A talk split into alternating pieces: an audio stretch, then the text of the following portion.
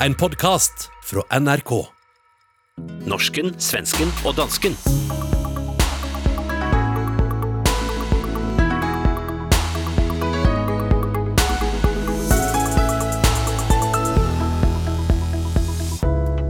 Den danske finansministeren skaper rabalder ved å ta pappaperm.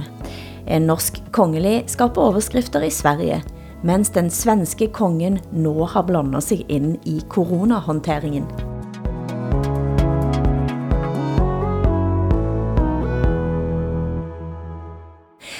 Välkommen till årets sista runda med panskandinavisk familjeterapi här på Chesselongen.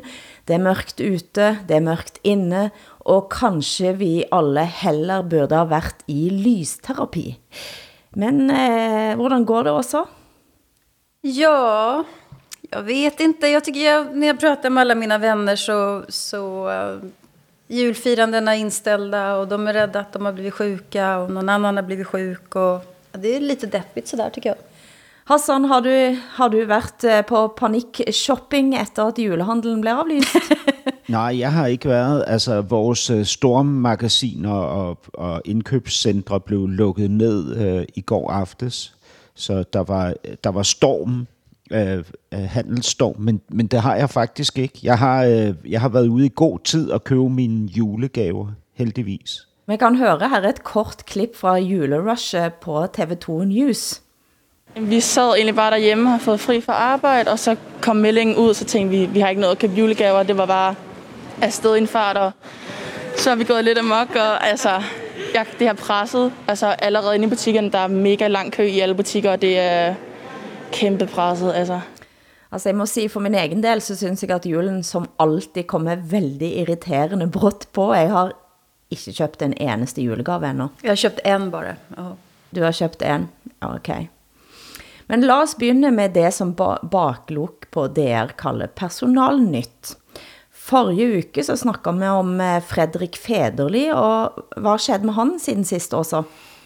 Ja, Fredrik Federley har ju lämnat sina alla politiska uppdrag och det var ju väntat. Ehm, men jag funderar ändå ganska mycket på det som har hänt. Han är ju inte dömd för någonting. Han är inte anklagad för något. For han var et centerparti-topp, sant? Som, eh, som har haft befattning med folk som har været dømt for pædofili. Absolut, så, så är det ju. Och han har också förnekat sin eh, kärastes eh, brott. Och det här är ju liksom, det värsta brottet man kan göra är ju, är ju våld mot barn naturligtvis. Men det är ändå ganska intressant ändå. Han har varit förälskad och blind av kärlek.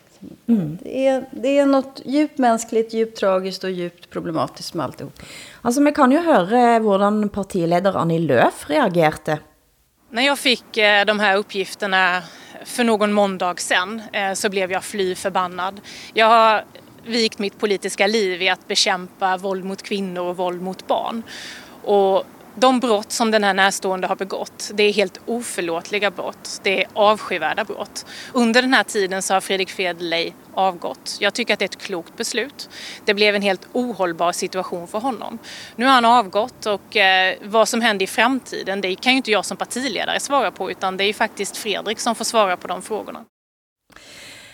Annie Lööf virker veldig upptagen av att fordømme minne om det du sa forrige uke også om at den reagerer primalt når det handler om nettopp denne typen saker. da. Det, det gör man ju. Alltså, när det gäller brott mot barn så fungerar inte det allmänna rättsmedvetandet. Utan jag tror att de flesta av oss tycker att de där människorna ska vara inspärrade resten av sina liv. Eh, men jag tänker också att det är ju någonting... Alltså vad är det som gör att man inte tycker att en polit... Nu nu är inte Federley som har gjort någonting, men politiker då. Eh, får en politiker vara straffad? Jag tror att vi tänker att helst inte. Och vad beror det på? Är det att vi tycker att politiker ska vara bättre människor än oss andra? Det tror jag nog egentligen inte. Utan här kanske det handlar om att man känner sig själv bäst. Alltså hur svårt är det inte att förändra sig själv? Och då tänker man kanske om en annan människa också. En gång, flera gånger. Ett brott, eh, då finns det nog eh, potentiella möjligheter till många fler brott. Altså, jeg, jeg synes jo, Øh. det, det handler jo ikke om, tror jeg for mig, at man ikke kan forandre sig, eller ikke kan blive tilgivet. For mig handler det om, at mennesker i magtpositioner, som vores politikere er, øhm, de, de har kortere snor. Der er, de har ikke flere øh, chancer end, øh, end nul. Altså, og, og hvis de øh, misbruger magten, så må de, må de finde en anden karrierevej. Altså, sådan tror jeg, jeg bliver nødt til at se på det. Ikke? Øhm, fordi magt er en, det er en, det er en ting, der, øh, som er meget, meget svær at håndtere. Det ser vi jo eksempler på også i den her Men man, tid. Ikke? ja, jag håller helt med. Men, om- men eh, samtidigt så är det något sorgligt i det där också på, på något vis. Men, men vad jag tänker så här, eh, vi hade en, en socialdemokratisk partiledare ett tag som hette Håkan Juholt. Och hans kvinna eller tjej, sambo, särbo var det väl, vet inte vad det var, kulbo. Eh, hon var ju dömd för bedrägeri. Och det kände vi journalister till Eh, Men valde till en början att inte skriva om det för vi tyckte att det var en privatsak och det hade att göra med henne. Men här är det alltså en politiker som har levt ihop med en man som har begått ett brott mot barn. Och då blir det någonting helt annat. Faktiskt. Och det är det största tabut man kan, liksom, tabubrottet man kan göra. Mm. Hassan, det har fortsatt att koka på Kunstakademiet. Hvordan ser det ut eh, nå? Ja, og spørgsmålet er jo så i forhold til det, om øh, øh, rektor for Kunstakademiet, Kirsten Langkilde, vidste om øh, den såkaldte happening, som institutleder Katrine Dirken Holmfeldt øh, udførte, da hun smed øh, bysten af en af vores tidligere konger i den københavnske havn. Mm. Øh, det ved vi ikke, men vi ved, at, øh, at kulturminister Joy Mogensen nu har udsendt en pressemeddelelse, hvor i hun skriver, at Kulturministeriet og rektor Kirsten Langekilde ikke er nået til enighed om, hvad der skal til for at løse udfordringerne på Kunstakademiet. Og derfor skal der nye kræfter til. Øh, og det betyder jo så, at rektor på baggrund af den her sag har øh, opsagt sin stilling eller er blevet opsagt. Øh, mit gæt er, at det er det sidste. At Joy Mogensen som regeringens ubetinget mest upopulære minister måske endelig er ved at træde i karakter og tage et ansvar på sig. I hvert fald i den her enkelte situation. Men er det ikke litt spesielt om kulturministeren instruerer en rektor på et kunstakademi? Jo, det tycker jag att det är. Jag tycker kulturministern ska inte lägga sig i det där faktiskt. Nå, men det er jo kulturministeren, som ansætter rektor ikke? Øh, på Kunstakademiet, som udpeger rektor. Så derfor har hun jo den ansættelsesmæssige funktion, og dermed også ansvaret. Altså Det- hvis hun lod... Ja. Hvis, hvis rektor siger, at hun mener, at denne her happening var en, øh, var en øh, hvad hedder det, god og retfærdig handling, og at hun i fremtiden vil støtte tilsvarende begivenheder, så har kulturministeren for mig at se ikke andet valg end at sige, det går ikke. Det kan, vi kan ikke have en rektor, der smadrer vores kulturarv. Ja, det kan du kanske ha rätt i. Jag bara tänker, det, det är ändå en hårfin gräns när, när en kulturminister lägger sig i vilken sorts konst som, eh, som eh, Konsthögskolan ska hålla på med. Ja, virkelig. Altså for meg så blir det en... Jamen, eh, det gør hun jo ikke. De siger, at, øh, at, de, er, øh, at de ikke kan nå til enighed om, hvad der skal til for at løse udfordringerne på Kunstakademiet. Men alltså det, Det finns, det, det finns ju konstnärer som, som faktiskt bryter mot lagen i sin konst. Jag tänker på eh, filmaren, konstnären Anna Odell som eh, iscensatte eh, ett fejkat eh, självmordsförsök och hamnade på psyk och sen så blev det en filmare där. Och en stor diskussion och hon dömdes för det. Och det tycker jag är helt rätt att hon dömdes. Eh, konstnärer ska ju inte ha rätt att bryta mot lagen om andra inte har det. Men betyder det också att alla som är ansvariga för det projektet ska avgå då? För det blev bra konst av det. det, det skillnaden, skillnaden med det här pajiga, att kasta, kasta en byst i, i hamnen i Köpenhamn, det var ju liksom dålig konst, kan man, ty, tycker jag i alla fall. Men Kirsten Langkild besøgte onsdag kveld deadline på DR og svarte sådan for sig. Hvorfor kan Kunstakademiets nye start ikke blive med dig i spidsen? Øh, det, øh, jeg var måske ikke helt klar over, da jeg øh, tog stillingen, hvor, øh, hvor hårdt det har været for Kunstakademiet i så mange år. Øh, så derved, øh, jeg kommer øh, og, og ser egentlig mange ting, øh, som ikke er, som de skal være. Og vi taler om skattekroner, ja, men måske skulle man have givet nogle flere skattekroner til Kunstakademiet. Man skulle have passet bedre på sit kunstakademi. Og når der så samtidig ikke er blevet gjort op med nogle gamle kulturer i samfundet. Vi har det jo overalt i samfundet. Der er nogle kulturer, vi skal have gjort op med. Det ved vi. Øh, og det passer ikke godt sammen. Det er for kompliceret. Så det var udgangspunktet, øh, jeg kom til. Ja, Hassan, her øh, forklarer hun selv, hvorfor hun går. Ja, altså det, ja, måske forklarer hun det. Jeg forstår det ikke, altså, fordi hun taler om nogle øh, økonomiske og praktiske omstændigheder, nogle gamle kulturer, der skal gøres op med, og fordi de økonomiske og praktiske omstændigheder ikke er ideelle, så kan man ikke gøre op med de gamle kulturer. Det er det, jeg skal forstå. Jeg, jeg, jeg er en lille smule forvirret, må jeg nok erkende. Men altså, øh, det, det, det er jo, altså problemet er jo også, at der er jo ikke nogen i den her sag fra det kunstakademi, som udtaler sig direkte om, hvad tingene er. Altså man fletter jo sine ord på en måde, så det bliver meget svært at forstå. Ikke? Er det Kirsten Langkilde i virkeligheden, det hun i virkeligheden siger, er det, at hun støtter den her type aktioner, fordi hun mener, der skal gøres op med en historisk patriarkalsk øh, struktur og en fortid, øh, øh, en, dan, en dansk fortid som slavehandlernation, og, og derfor øh, så er, er al den her type kunst og aktivisme øh, tilladt. Er det det, hun siger? Jeg, jeg, jeg kan ikke læse, hvad hun mener. Jag som svensk förstår ju ingenting av vad Nej, jeg, jeg, jeg syns også, det var ganske vanskelig att forstå. Uh, og samtidig så har jeg problem med att forstå, at Jøy Mogensen som kulturminister skal instruere. Du hører norsken, svensken og dansken i SR, DR og NRK.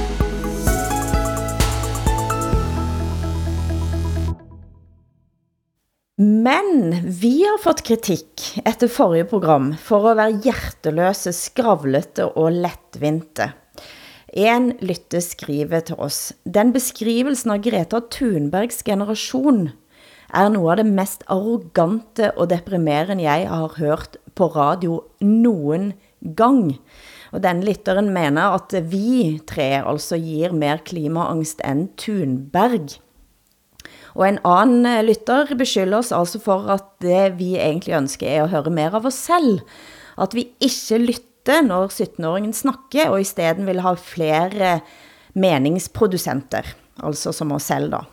Og i familieterapien og selvreflektionens navn, vi har alle land eh, representert her, tre land, men vi tilhører samme generation. Og hvilke blind spots har vi? Vad tänker du også? Nej, vad jag tänker, jag, jag tänker att jag själv har varit politiskt aktiv som, som 17-åring och eh, eh, jag skolkade precis som Greta fast jag skulle göra en, en, en tidning i socialismens namn. Det, det är min bakgrund, jag blev inte världsberömd på det. Eh, jag minns också att jag tyckte då, och det tycker jag fortfarande, det är ungdomens uppgift att på något sätt eh, peka ut vägen, peka ut framtiden, att så här ska vi göra. Och samtidigt finns det en äldre generation som i alla tider som har varit lite konservativa. Eh, men frågan är om vi är cyniska. Det är väl det som jag tror att de här eh, kritikerna som du nämner här är inne på, att vi är, att vi är cyniker. Eh, och det kanske har låtit så när vi har pratat. Jag tänker, jag, jag beundrar ju Greta väldigt mycket. Men, men jag blir ju förbannad kan jag tycka på alla i den så kallade vuxenvärlden som bygger hennes monument ganska okritiskt och, och kallar henne för Jeanne d'Arc eller någonting sånt där. Och då tänker jag särskilt på Dagens Nyheter som, som vi dammade på förra veckan. Som alltså lät Greta Thunberg vara chefredaktör för en dag. Och när Greta då är chefredaktör så bestämmer hon sig för att det ska inte få finnas några bilannonser i den här tidningen. Och då tar DN bort sina bilannonser, men bara för en dag. Eh, och det för mm. mig är det hyckleri faktiskt. Om de verkligen tycker att, att hon har att säga någonting viktigt, då får de nog vara konsekventa tycker jag och, och lyda hennes uppmaning då om hur, hur man ska sköta en tidning eller hur världen ska organiseras. Och om Greta får bestämma så skulle det vara en helt annan värld. En helt annan värld än den som Dagens Nyheters politiska inriktning faktiskt eh, ger uttryck för. Så för mig blir det hyckleri. eh, från deras sida. Men jag kan förstå om det låter som cyniskt när, när vi tre här då i våran ålder eh, gör oss lite lustiga över en, en ung tjej som faktiskt tar strid för någonting som är helt avgörande för vår planet, nämligen klimatfrågan. Ja, øh, jamen det er jo godt formuleret, øh, Åsa, synes jeg. Øh, altså det, det er jo svært, fordi du spørger om, Hilde, hvad mine blind spots er, og dem kan jeg jo ikke se. Altså, øh, jeg vil sige, nu ved jeg ikke, om det var rettet mod mig personligt, men det vil ikke være første gang, jeg får at vide, at jeg taler for meget og lytter for lidt. Øhm, så, så, øh, så det vil jeg gerne tage på mig, øh, att jag ska bli bättre till att lyssna lytte tala mindre. Men alltså, jag tänker här att det är ju en anledning också till att tänka nytt. Alltså, øh, om inte nytt, så i alla fall djupare på det jag menar själv då. För jag menar faktiskt att jeg tar Greta Thunberg på allvar med att behandla henne som vuxen och inte som en, ett symbol för en generation, som en antar inte tål kritik. Eh, och det var det jag syns låg i några av den, ja, kanske raljerande tonen din, Hassan, runt generationen då. Eh, för jag menar också att det är en superviktig kamp, det är superviktiga spörsmål, men det är också superkomplexa lösningar, och de må en diskutera fritt och öppet och utan någon oangripliga helgner. Uh, eh, och det har jag tänkt på, för altså for min egen del, jeg spiser næsten ikke kjøtt, jeg handler ikke nye klær og møbler, jeg kjøper brukt, jeg har skalert ned livet, jeg bor lite og centralt, jeg har ikke bil, og det er jo bevisste valg. Men altså, jeg vil kunne forbeholde mig retten til å stille kritiske spørgsmål til og den unge generationen, enten om de er 9 år eller om de er 17. Ja, altså, jeg, jeg var jo også oprørsk, da jeg var ung, øh, politisk øh, aktiv, og fuldstændig overbevist om, at jeg havde set lyset, og at den øh, ældre generation var øh, forstokket og reaktionær, og at den var forhindringen for, at retfærdigheden kunne ske fyldes, fyldest. Og det må jo være rollefordelingen, tænker jeg. Problemet er, hvis... Øh, hvis øh, 60-årige, lad os sige øh, øh 60-årige mænd øh, sætter sig med hænderne i skødet og, og, øh, og, og ophøjer øh, øh, enkelte individer fra den unge generation som bannerfører for en eller anden sag, som så kan give de her ældre øh, mennesker alibi i livet. Ikke? Så har de sat sig der, og de har tilsluttet sig de rigtige holdninger, og så behøver de sådan set ikke mere. Lad os forestille os, og der mener jeg, vi, vi, altså hvis vi vil det, som Åsa også siger, hvis vi vil det, som øh, Greta Thunberg anbefaler, så kommer vores eksistens fra nu, fra i dag, til at se fuldstændig anderledes ud. Ikke marginalt anderledes, altså fuldstændig anderledes. Og så er det ikke nok at gøre, som du gør, Hilde, og jeg gør, altså at vi holdt op med at rejse, at vi ikke spiser kød. Jeg har ikke nogen bil, øhm, og så videre. Det, det er jo slet ikke nok. Altså, alle Nej, selvfølgelig er det ikke det. Jag har inte heller, heller bil, men jag äter kött. Jag längtar efter att flyga jorden runt. Om man lyssnar på Greta, så hon har ju ett otroligt, otroligt radikalt budskap mm. som lite för sällan kommer upp till ytan faktiskt. Men om hon får prata om det hon vill prata om, det handlar om vad ska vi producera? Eh, alltså hur, hur, hur, vad är det för varor som vi anser att världen behöver ha? Eh, och den frågan, den, den är ju viktig. Den måste man ju ställa. Eh, och den är ju mycket större än huruvida vi har bil eller inte. Utan det är, så, det är så otroligt mycket som vi producerar som faktiskt inte behövs och som är meningslöst. Och så det här ekonomiska systemet liksom talar om för oss att vi behöver och det är miljöfarlig produktion. Men, det, Men då måste man ju diskutera kapitalismen ja. eller i alla fall hur ekonomin är organiserad. Nej, för det du sa också eh, förra gången var att alla fakta må tolkes. Jag uppfattar inte att du mente att avisen till Greta och Thunberg skulle vara full av eh, kommentarjournalistik.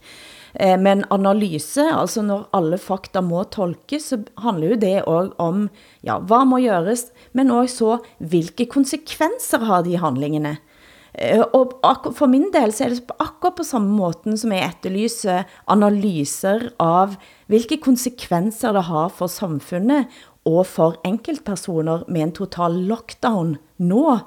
så menar jag ju också att eh, det Greta Thunberg lägger på bordet og må kunne analyseres, ok, hvis vi tar dette grepet, hvilke konsekvenser har det? Eh, och analysera det. Absolut, det är ju självklart. Och, och eh, fakta i sig kan ju inte förändra världen utan det, måste ju finnas till alltså, olika politiska viljor vad man ska göra med de här fakta som, som, som nog är helt obestridliga. Hur ska man lösa det här? Och det finns ju inget objektivt i det skulle jag säga. Det gör faktiskt inte det. Och det måste, i ett demokratiskt samhälle så måste det vara öppet för diskussion. Men det är ju för att det är några bestämda ämnen i våra nationer i den här tid, som man kun kan ha en hållning till. Och om man illustrerar en trang till komplexitet, så är man en förrädare mot øh, det fällskap som har øh, tillslutit sig denna här ideologi, alltså denna här sandhed. Ikke? Og der, der, der øh, øh, erindrer jeg jo noget fra min ungdom, ikke? Som, øh, som begynder at bulre inden i mig, ikke? hvor jeg tænker, det, det, det, er sgu ikke, øh, det er ikke den fulde sandhed, fordi vi, ja, der er ikke nogen tvivl om, at mennesket belaster kloden. Men mennesket er jo også, altså menneskeheden er jo også en succeshistorie. Det er også en historie om et fællesskab, altså et kollektiv, hvor vi løfter hinanden ud af fattigdom, ud af elendighed, ud af mørke og kulde, ind i varmen. Altså jeg sidder her, jeg kan tænke, altså alle de ting, vi har arvet, er en belastning for kloden, men det er jo også noget, der har givet os altså en eksistens, som er, som er fuldstændig anderledes end dengang vi boede i en hule, hvor vores børn døde af de mest banale sygdomme, ikke? og hvor vi levede til vi var yngre end, uh, end Åsa, Hilde og, og jeg er i dag. Ikke? Altså, øh, og, og det, alt det der må jo med i den fortælling, for, fordi vi er nødt til at spørge os selv, jamen hvis vi lever på den anden side, hvad er vi så villige til at ofre? Ikke? Samtidig så kom nyheten denne uken om at Norge nå stuper på listen over verdens bedste land. FN-rapporten Human Development Index kårer hvert år hvilke land som er længst fremme i udviklingen. Indeksen fyller 30 år i år, og i den anledning så fejrer de med att inkludere klima og bærekraft i kriterierne sine. Det har ført til at Norge har stupt fra førsteplads til 16. plats og er nå bak Sverige og langt bak Danmark, som ligger på femte plats. Alltså jag, måste, jag, tror att vi, jag tror att vi måste varna känsliga lyssnare i, i Sverige här att eh, Sverige är alltså inte världens bästa land. Ohe. Mm. Eh, och det, det kom ju som en chock tror jag för väldigt många. Eh, vi är först på sjätte plats i Sverige. Slaget av, av Danmark. Irland kommer före oss. Schweiz. Storbritannien. Eh, det här är ju oerhörda nyheter för oss svenskar. Men å andra sidan, om man tänker att Storbritannien kommer före Sverige, Danmark också, så tänker jag så att det här är ju bara det här är ju bara tull alltihop som ni säger på norska, eller ett joke som ni säger på danska, eller ett skämt. Inte kan väl Storbritannien vara bättre än, än Sverige? Hallå, hallå!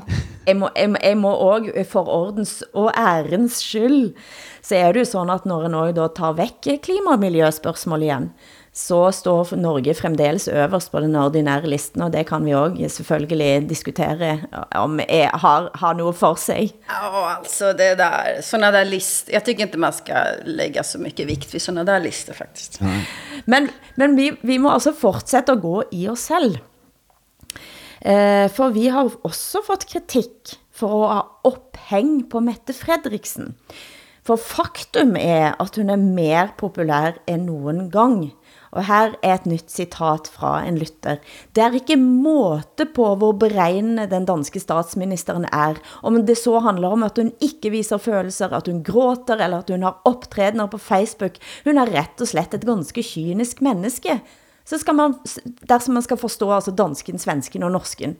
Og alt er ledd i en hensynsløs kommunikationsstrategi. Og så lægger han til, når man hører på Preisler, så fremstår hun jo nærmest som en vandrende katastrofe. Psykopat tror jag till och med han har sagt. Hassan. Vad, vad ska vi säga om detta Hassan? Hassan, säg du. ja, men, men... vi har pratat om Mette Fredriksson ja. varenda vecka i flera ja. månader. Ja, men det er, hvad hedder det? Der, øh, ja, man, man har jo sådan et begreb øh, i Danmark, som hedder øh, min lille Hassan.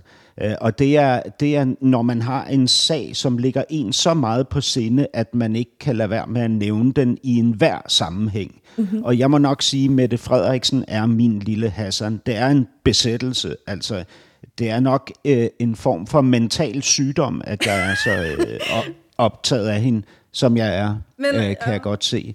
Men, men på den anden side, jeg må også sige, øh, hun er vores øh, statsminister, det vil sige, hun er det mest magtfulde menneske i Danmark lige nu, vil jeg, vil jeg tro og mene.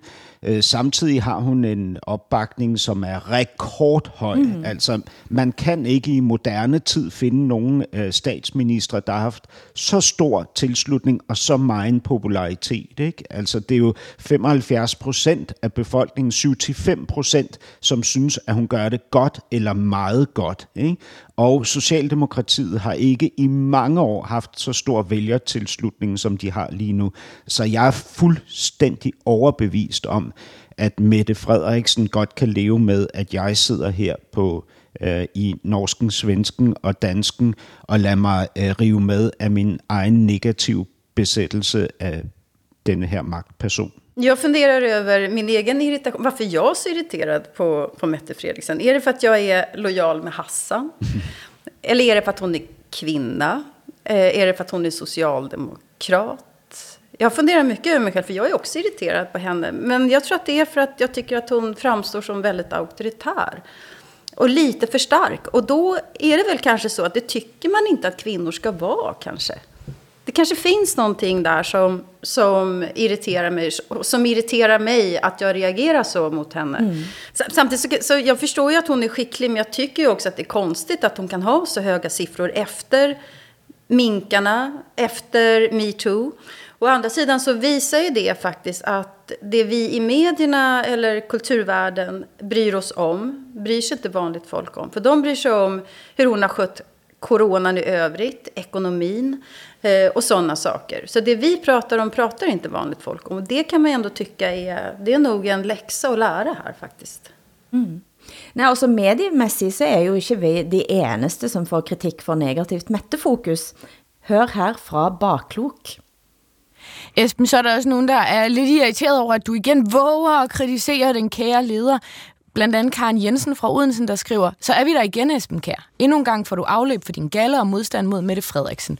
Husk, hvad sidste uges gæst sagde, at han ikke, som dette program altid er, vil være mod regeringen, selvom han ikke er socialdemokrat. Jo, men altså, hvad kan man sige? Hun bliver ved med at opføre sig arrogant, øh, så bliver det jo taget op. Og jeg kan forsikre dig for, at det ikke er bare mig. Nu har jeg jo fornøjelsen af at omgås øh, journalister øh, i alle mulige sammenhænge, og vi er alle sammen enormt ops på, at denne her regering har et gigantisk problem med sin magtarrogance. det, som er fascinerende, synes jeg, da, er at øh, øh Medierna påpeker maktarroganse, det kommer den ene saken efter den andre som viser at det er en maktarroganse, men det synes jo folk ikke at bry sig om. Er det så at vi inni oss har ett behov för den starka leder? Det, det tror jag faktiskt är eh, en av förklaringarna till att liksom populismen växer i alla länder på alla kontinenter samtidigt. Jag tycker nog att man kan räkna med Fredriksson till någon form av eh, skicklig socialdemokratisk populist, skulle jeg ändå, skulle jeg ändå säga att hon är faktiskt. Men, men det er jo også interessant, fordi øh, jeg, jeg ved ikke, om det, det, det var det, du påpegede, Hilde, men der er jo helt klart en skillelinje mellem medierne og den brede befolkning. Mm. Det er der jo ikke nogen tvivl om. Altså, det, det, det er jo medierne, der ligesom øh, øh, synes, at de, øh, at de har krav og ret øh, til at, øh, at til at Mette Frederiksen for eksempel stiller op til kritiske interviews, ikke? og det nægter hun jo at gøre, ikke? Øh, og fastholder sin ret til ikke at, at, at, at gøre det. Øhm, og, og på den anden side, så har vi jo en befolkning, som åbenbart synes, at det er dejligt og, og, og trygt og, og måske også professionelt, at Mette Frederiksen på den måde administrerer sin magt. Øh, Men, altså, øh, ja. Jag avbröt dig här. Nej, det gör inte något. Jag ska, jag ska bli bättre till att lyda. Nej, nej, jag ska sluta avbryta så mycket. Men jag tänker så att man kan inte, man kan inte bara diskutera Mette Fredriksens framgångar utifrån ett maktperspektiv. Utan man måste också, också se vad det är för politik hon har drivit igenom. Och här blir ju dansk socialdemokrati intressantast i hela Europa, tycker jag. För att de har lyckats ta ett nackgrepp en nacksving på, på högerpopulisterna. Dansk Folkeparti är ett parti som knappt ens finns längre. Eh, därför att hon har haft en väldigt hård invandringspolitik som hon har kombinerat med sociala reformer. Jag tänker den här pensionsreformen eh, som, som kom alldeles nyss som faktiskt riktar sig till vanligt folk. Mm. Eh, och det, det, där måste man ju förstå. Eh, som journalist eh, och kommentator måste man ju förstå att det, det är det där som folk tar ställning till. De skiter i minkarna och skiter i metoo faktiskt. Men, men, men bara lige for, altså, for, fordi jeg, jeg synes jo sådan set, altså man skal jo føre den politik, man, skal, man synes, man skal føre, og det gør Socialdemokratiet jo også enormt effektivt, kan man sige. Ikke?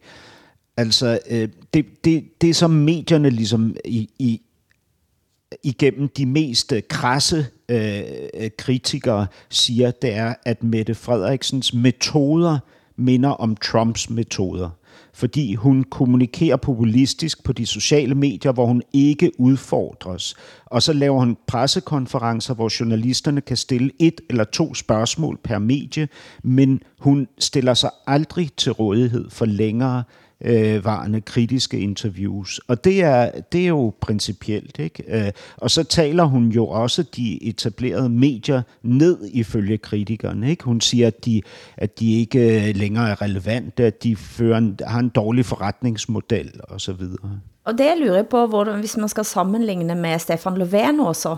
Ja, Stefan Löfven har ju en helt annan framtoning. Jag tror att flera skulle nog under den här coronakrisen ha önskat sig större, nästan liksom mer auktoritet tror jag. Men han är inte sån. Och och jag tycker ju om honom för det. Just att han är så mänsklig. Ja, var det mangel på overhode där hemma som gjorde att svenske kongen den uken kom på banan som höj och mörk? Ja, det är en alldeles oerhörd sak att eh, kungen uttalar sig om den svenska coronastrategin. För det gör han faktiskt när han säger att Sverige har misslyckats med att eh, ta hand om de äldre och skydda de äldre. Och egentligen så säger han ju ingenting annat än den coronakommission som släpptes den här veckan med sina slutsatser. Men kungen ska faktiskt hålla käften, rent ut sagt. Han ska inte säga någonting om det här. Eh, men det har han gjort ändå.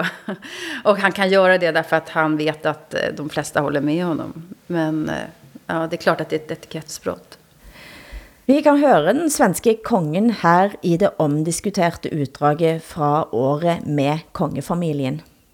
Jag anser vi har miss, misslyckats. Vi är ändå eh, det är ett stort antal som har avlidit helt enkelt och det är ju fruktansvärt. Eh, det, är, det är någonting som man, vi alla, alla lider med tror jag. Hur orolig är kungen själv för att bli smittad? Ja, nu tycker jag senaste tiden tycker jag att det känns lite mer påtagligt helt enkelt. För det har ju krypit närmare och närmare. Eh, så att det är inte riktigt eh, vad man önskar sig. På denne uken så kom det nok et slag mot Sverige. En ny rapport som kom med knallhard rapport mot regeringen. Och hör här ordförande för kommissionen Mats Melin. Vi anser oss nu redan kunna säga att den del av den svenska strategin som gick ut på att skydda de äldre har misslyckats. På annat sätt kan man inte betrakta det förhållandet att så många har avlidit med covid-19. Kommissionen konstaterar att äldreomsorgen har strukturella brister, alltså dess institutioner och uppbyggnad. Och det kan lika gärna sägas med en gång att ansvaret för dem de delas av flera. Men vi vill ändå säga att regeringen styr riket och därför vilar det yttersta ansvaret på denna regering och tidigare regeringar som har känt till de här bristerna. Det är häftiga ord eh, också. Ja, det är väldigt hårda ord. Eh, för att vara Sverige så är det väldigt ovanligt att en kommission är så tydlig och, och eh, har den här eh, väldigt tydliga ansvarsfördelningen eller utpekandet, vem som bär ansvar för en massdöd, tror jag att en del skulle faktiskt säga att det är. Eh, det här är alltså problem som vi har haft i äldreomsorgen i två decennier och som alla regeringar från höger till vänster har känt till och inte gjort någonting åt. Eh, därför att vi har haft kraftiga besparingar och Eh, verksamheterna styrts av New Public Management eller av privatiseringar med vinstsyfte. Det finns massa olika förklaringar till det här, men det är, inte okänt. Eh, och eh, helt enkelt en väldigt, väldigt skev resursfördelning. Jag skulle säga så här att i, i, ett normalt fall i ett annat land så skulle regeringen kanske tvingats avgå på grund av det här. För det är faktiskt väldigt många människor som har dött. Eh, men oppositionen har inte krävt någon annan politik än den här politiken. Vi har haft en, en enig opposition kring den svenska linjen och kring de svenska myndigheterna. Och därför så blir det svårt liksom att göra politisk hårdvaluta av det här också då. Alltså Kristdemokraterna har prövd och har krävt att regeringen eh, bör gå. Men de är foreløpig ganska alene, eller? Ja, det, det, det blir ju löjligt därför att eh, det som kallas för oppositionen, den har ju faktiskt inte fungerat riktigt i den här frågan. Vi har, vi, vi, vi, det var en allmän uppslutning kring den svenska coronastrategin. Bara. Och alla, alla regeringar, som sagt, från höger till vänster, eh, inklusive Kristdemokraterna, är ansvariga för bristerna i äldreomsorgen. Alla, alla eh, har skitiga händer i det här. Norsken, svensken och dansken med Hilde Sandvik, Åsa Linderborg och Hassan Preisler.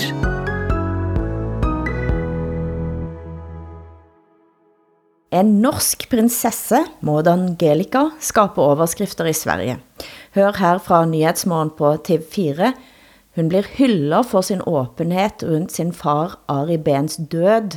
Och hon har liksom under hela året pratat väldigt, väldigt öppet om psykisk ohälsa och drivit den här frågan så till den grad att hon faktiskt har blivit utnämnd till årets modigaste kvinna i Norge. Och nu den här veckan så går hon ut och frontar en kampanj där hon pratar om just de här frågorna. Så jag tänkte vi skulle ta en liten titt på den.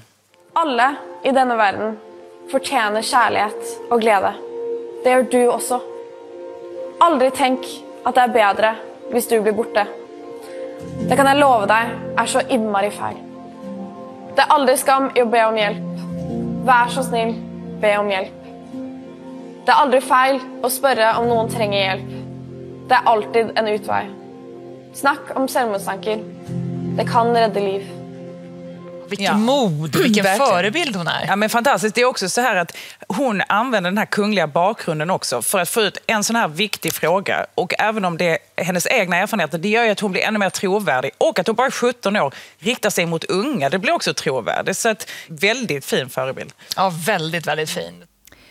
Altså i et år så der vi ikke vet hvordan den psykiske helsen kommer til å utvikle seg eh, for veldig mange, så er kanskje dette en av de aller viktigste sakene som vi kan gå inn i neste år med. Og hva, tror dere, hva betyr det att en som henne är så åpen? Jag är oerhört imponerad och att hon, eh, hon gör det med en sån, eh, sånt lugn och sån kraft samtidigt. Jag tänker Ari Ben måste vara, han skulle ha varit väldigt, väldigt, väldigt stolt över sin dotter här. Hassan? Jeg har ikke noget at tilføje. Jeg er enig. Mm. Nej, för det jeg, jeg tenker litt på er, altså hvis vi tenker på vår egen generation da, hvordan var det da dere vokste opp, altså det å snakke høyt om selvmord? Självmord är ju, är ju tabubelagt, men vi är mycket bättre på att prata om, om psykisk ohälsa nu än, än tidigare. Och eh, ja, jag undrar ju den här coronakrisen, hur den, eh, hur den påverkar oss i, i längden. Den kommer att bölja upp och ner och det kommer att komma andra pandemier också. Tror jag. Så att det, man får ställa in sig på att världen kommer för alltid vara en annan. Och det, det kommer att skapa en existentiell ångest som heter duga faktiskt. Ja, og der tenker jeg ensomhet som et sånt, eh, altså det å snakke om Ja. ensomhet på en annen måte kanskje Ja. enn vi gjør akkurat nå da. Verkligen. Hassan? Ja, altså, men, men I ved jo, jeg har, jeg har lidt andet syn på det her, fordi jeg, altså, jeg synes på en eller anden måde, at vi lever mere ærligt lige nu, og i større overensstemmelse med, med hvad vi egentlig er altså, som mennesker. Ikke? Og det, altså, der har lige været en stor undersøgelse fremme. Øhm, Jeg, jeg har den ikke her, så jeg kan ikke, jeg kan ikke henvise til den. Øh, Men den viste, at der øh, lige efter nedlukningen her i Danmark i marts måned, var et kæmpestort fald i antallet af stresssager i familierne. Altså stressen blev simpelthen reduceret, ikke? fordi vi nåede ind til det enklere, altså samværet med de nærmeste. Ikke? Øh, selvfølgelig også afsavn, det er med på, og, og her der taler vi jo ikke om de ældre, som var spærret inde på plejehjemmene. Vi, vi taler om et generelt billede af hele Danmark, og derfor tager det jo ikke hensyn til de mest udsatte mennesker, det er med på. Men det generelle billede viste en stor reduktion af, af, af stressen, den kollektiva och individuella stress. Ikke? Fast, ja, nej, men jag kan väl tänka att många blir avstressade av att inte behöva vara på jobbet mellan 9 och 17 eller 8 och 16. Men jag, skulle, jag håller inte med Hassan om att, att det här är det som människan egentligen är. Jag skulle säga att människan är en social varelse. Vi tycker om att umgås med andra, att skapa tillsammans, att tänka tillsammans, att äta tillsammans. Och att lära känna nya människor. Och det kan vi inte göra under coronan. Det här, jag skulle säga att det här strider ja. mot hela, hela vår natur. Jag säga. Mm. Det, det mener jeg òg. eh, Og når en da vet at 40% bor alene det, er- det er et veldig høyt tall av oss som faktisk bor alene. Eh, og da tenker jeg iallfall at det å begynne å diskutere hva som skjer eh, når usikkerheten begynner å bli veldig mye større, når jobber blir eh, eh, borte, den irritasjonen og aggresjonen kombinert med at man er lei seg og alene, eh, blir, tror jeg, en av de aller, aller største utfordringene neste år. Og jeg, og jeg tenker Maud Angelica har helt rett. Alle fortjener noe mer. Men eh, noe litt lettere kanskje. Den danske finansministeren tar eh, pappapermisjon, barselpermisjon, og det har skapt debatt. At det i det hele tatt er blitt debatt. Hva sier det om Danmark? det er jo svært at se det fænomen udefra, når man er dansk, som jeg er. Altså, øh, vores finansminister har besluttet sig nu her øh, otte måneder, nej, jeg kan ikke huske, øh, jo, øh, øh hvordan er det? 46 uger efter han fik sit barn, at gå på barsel i otte uger. Ikke?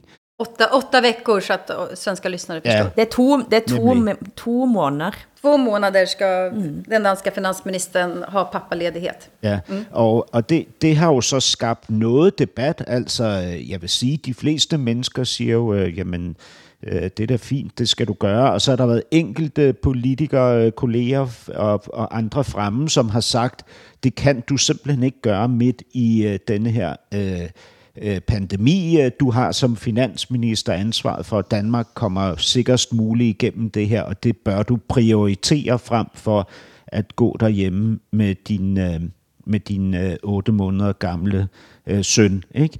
Altså det, det, er, det er argumentet fra nogen side. Altså ja, for, mig personligt, så vil jeg sige, altså der, der, der har ikke været noget større for mig i mit liv. Jag Jeg kommer også øh, til april øh, til at tage så meget barsel, som, øh, som jeg overhovedet kan, øh, øh, ved, ved stadig at få tingene til at hænge sammen rent økonomisk. Ikke? Og det vil sige, jeg kommer til at tage lige så meget barsel, som øh, barnets mor øh, øh, vil tage. Ikke? I Sverige så skulle diskussionen ha handlat om varför är han inte hemma halva tiden? Varför delar de inte upp det 50-50? Varför är finansministern bara hemma två månader? Så hade diskussionen varit här. Ja, det tænker jeg Nå, også. men jeg vil bare ja. sige, der er forskellen på Sverige og Danmark i det her tilfælde er jo, at man i Danmark vil sige, jamen det må den enkelte familie afgøre. Det er den enkelte families, øh, hvad kan man sige, øh, Øh, beslutningskompetence. Det skal andre øh, ikke blande sig i. Og det synes jeg jo også gælder nu her øh, kritikerne i forhold til Nikolaj Vammen. Ikke? Altså, de kan jo ikke sige om ham, at han ikke har ret til barsel. Det eneste, jeg synes er lidt tosset, det er, at det viser sig, at man som minister i Danmark åbenbart har en hel del mere overlov end alle mulige andre borgere i det her land. Ikke? Um. Det, da passer det fint at lægge til, Hassan, at den kritikken som kom i stad, den kanskje du skal ikke ta den så tungt, for denne lytteren, han la også til, citat, bare så det er sagt, så liker jeg han Hassan Preisler ganske godt også. Ja. okay, så... Ja. Men Hassan, du har givet oss en udfordring. Ja, men altså, jeg, jeg har jo bedt jer om, fordi det her er årets sidste program øh, i rækken af norsken, svensken og dansken. Øh, og så syntes jeg, at det især øh, set i lyset af det år, vi har været igennem, som jo har været et ekstremt år, øh, så syntes jeg, at det var på sin plads, at jeg spurgte jer, om I ville være med på en lille øvelse, som går ud på, at vi tænker over, øh, reflekterer over, hvilke erkendelser vi har gjort os hver især, øh, en positiv og en negativ erkendelse om os selv og vores øh, omgivelser, altså måske vores nation eller vores miljø, det ved jeg ikke. Øhm, og om vi så kunne dele dem med hinanden. Øhm, og, og, og jeg ved ikke, uh, Hilde, vil, vil du ikke begynde? Skal jeg begynde?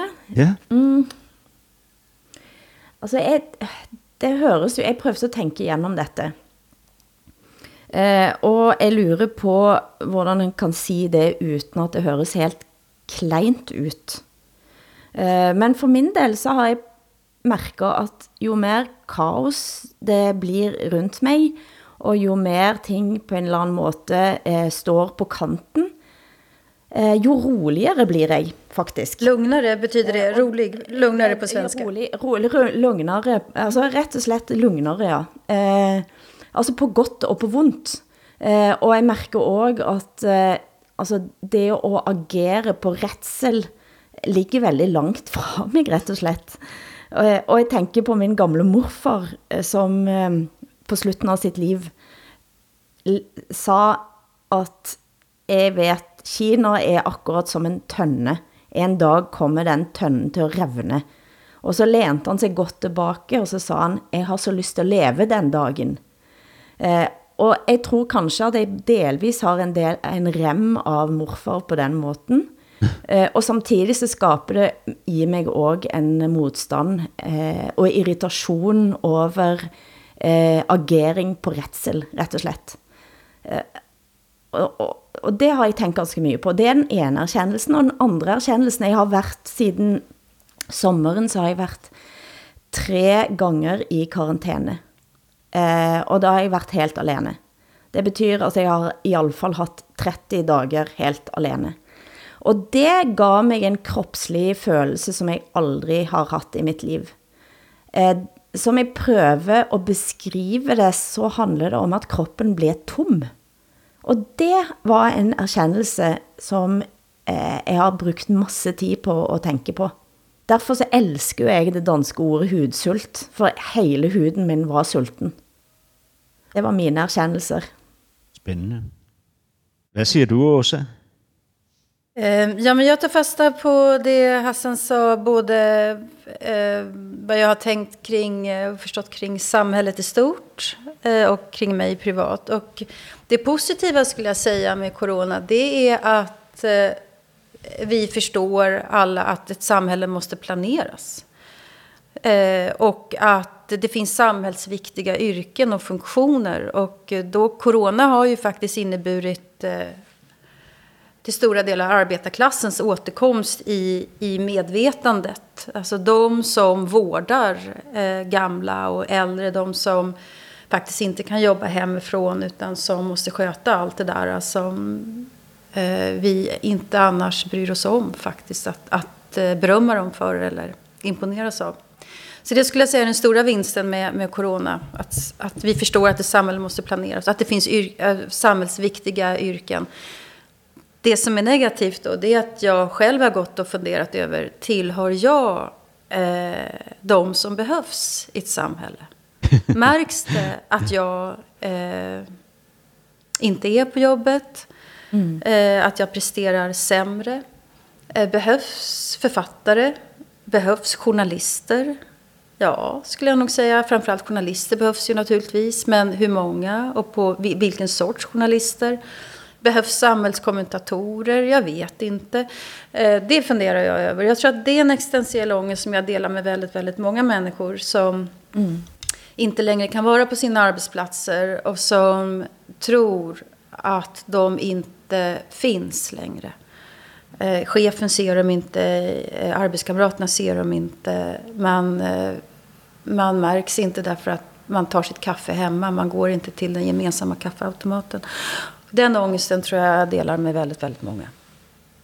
Ja, ja øh, øh, mig där handlar det här om, om det jag också talte om tidigare i det här program, att jag, jag har upptäckt att øh, endnu en gång har jag upptäckt äh, att människor i flock är uterrenlige. Äh, men inte kun människor i flock. Jag i en flock är uterrenelig. Altså, jeg, jeg, som jeg også har nævnt før, jeg gør og siger ting, som jeg ikke mener og ikke har lyst til. Øh, og for mig, der er ensomheden det mest smertefulde, men også det mest bydende nødvendige igen og igen. Øhm, og jeg, jeg har lige bladret i Schopenhauer, som jeg læste dengang jeg var på Greta Thunbergs alder. Øh, der læste jeg Verden som vilje og forestilling. Øh, og og der, der kom, vil jeg bare gerne citere, han, øh, Schopenhauer siger, den som ikke synes om ensomhed, vil ikke elske friheden. Og det er lige præcis det, det handler om for mig. Det, det er den positive erkendelse. Den negative er, at jeg har opdaget, at jeg er sindssygt meget mere angst, end jeg troede, jeg var. Og at vi øh, som kollektiv er mere angst, end vi troede, vi var, eller jeg troede, vi var. Og det er jo, det, er, det synes jeg var en uhyggelig opdagelse at gøre. Du hører norsken, svensken og dansken. Programmet blir sendt i Danmarks Radio, Sveriges Radio og Norsk Rikskringkasting.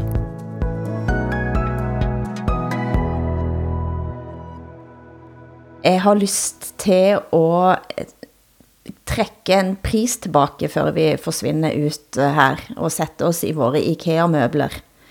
Jeg var med altså å t- eh, gi nordisk språkpris eh, til IKEA for sitt betydelige bidrag til å gjøre nordiske ord, uttrykk og nordisk kultur kjent over hele verden.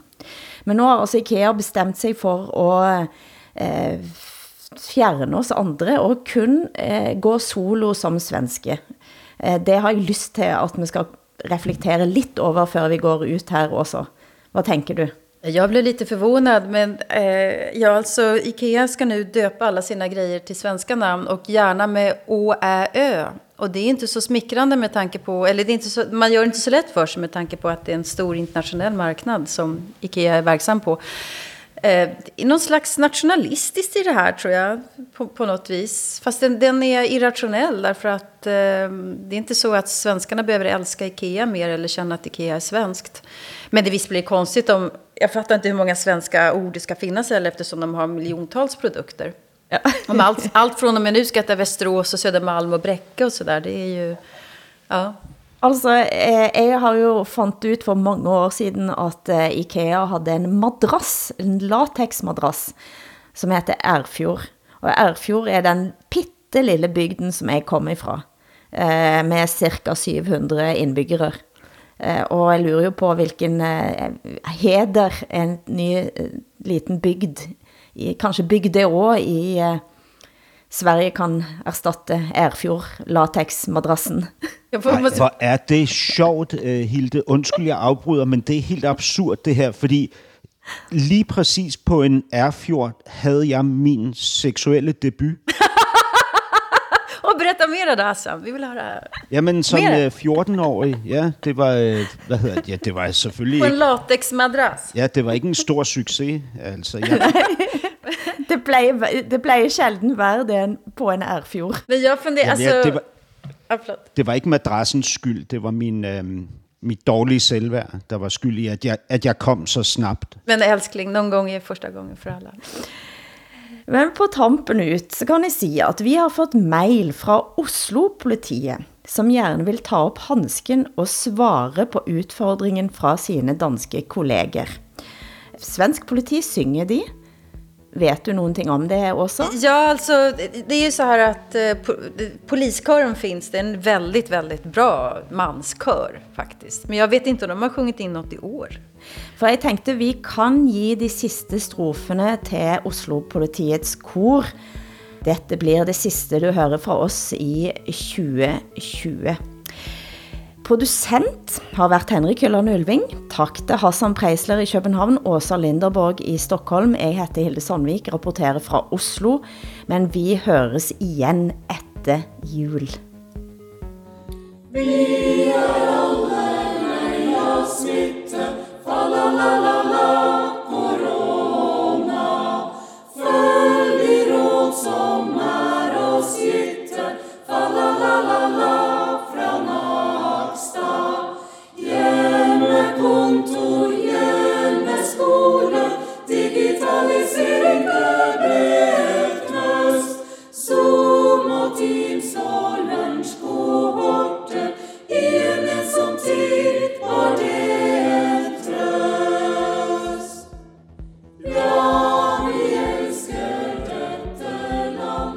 Sånn.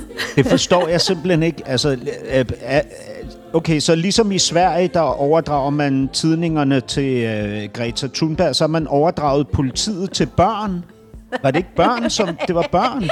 Men det var kvinnliga snutar, var det inte det? Kvinnor och män. Politibørn.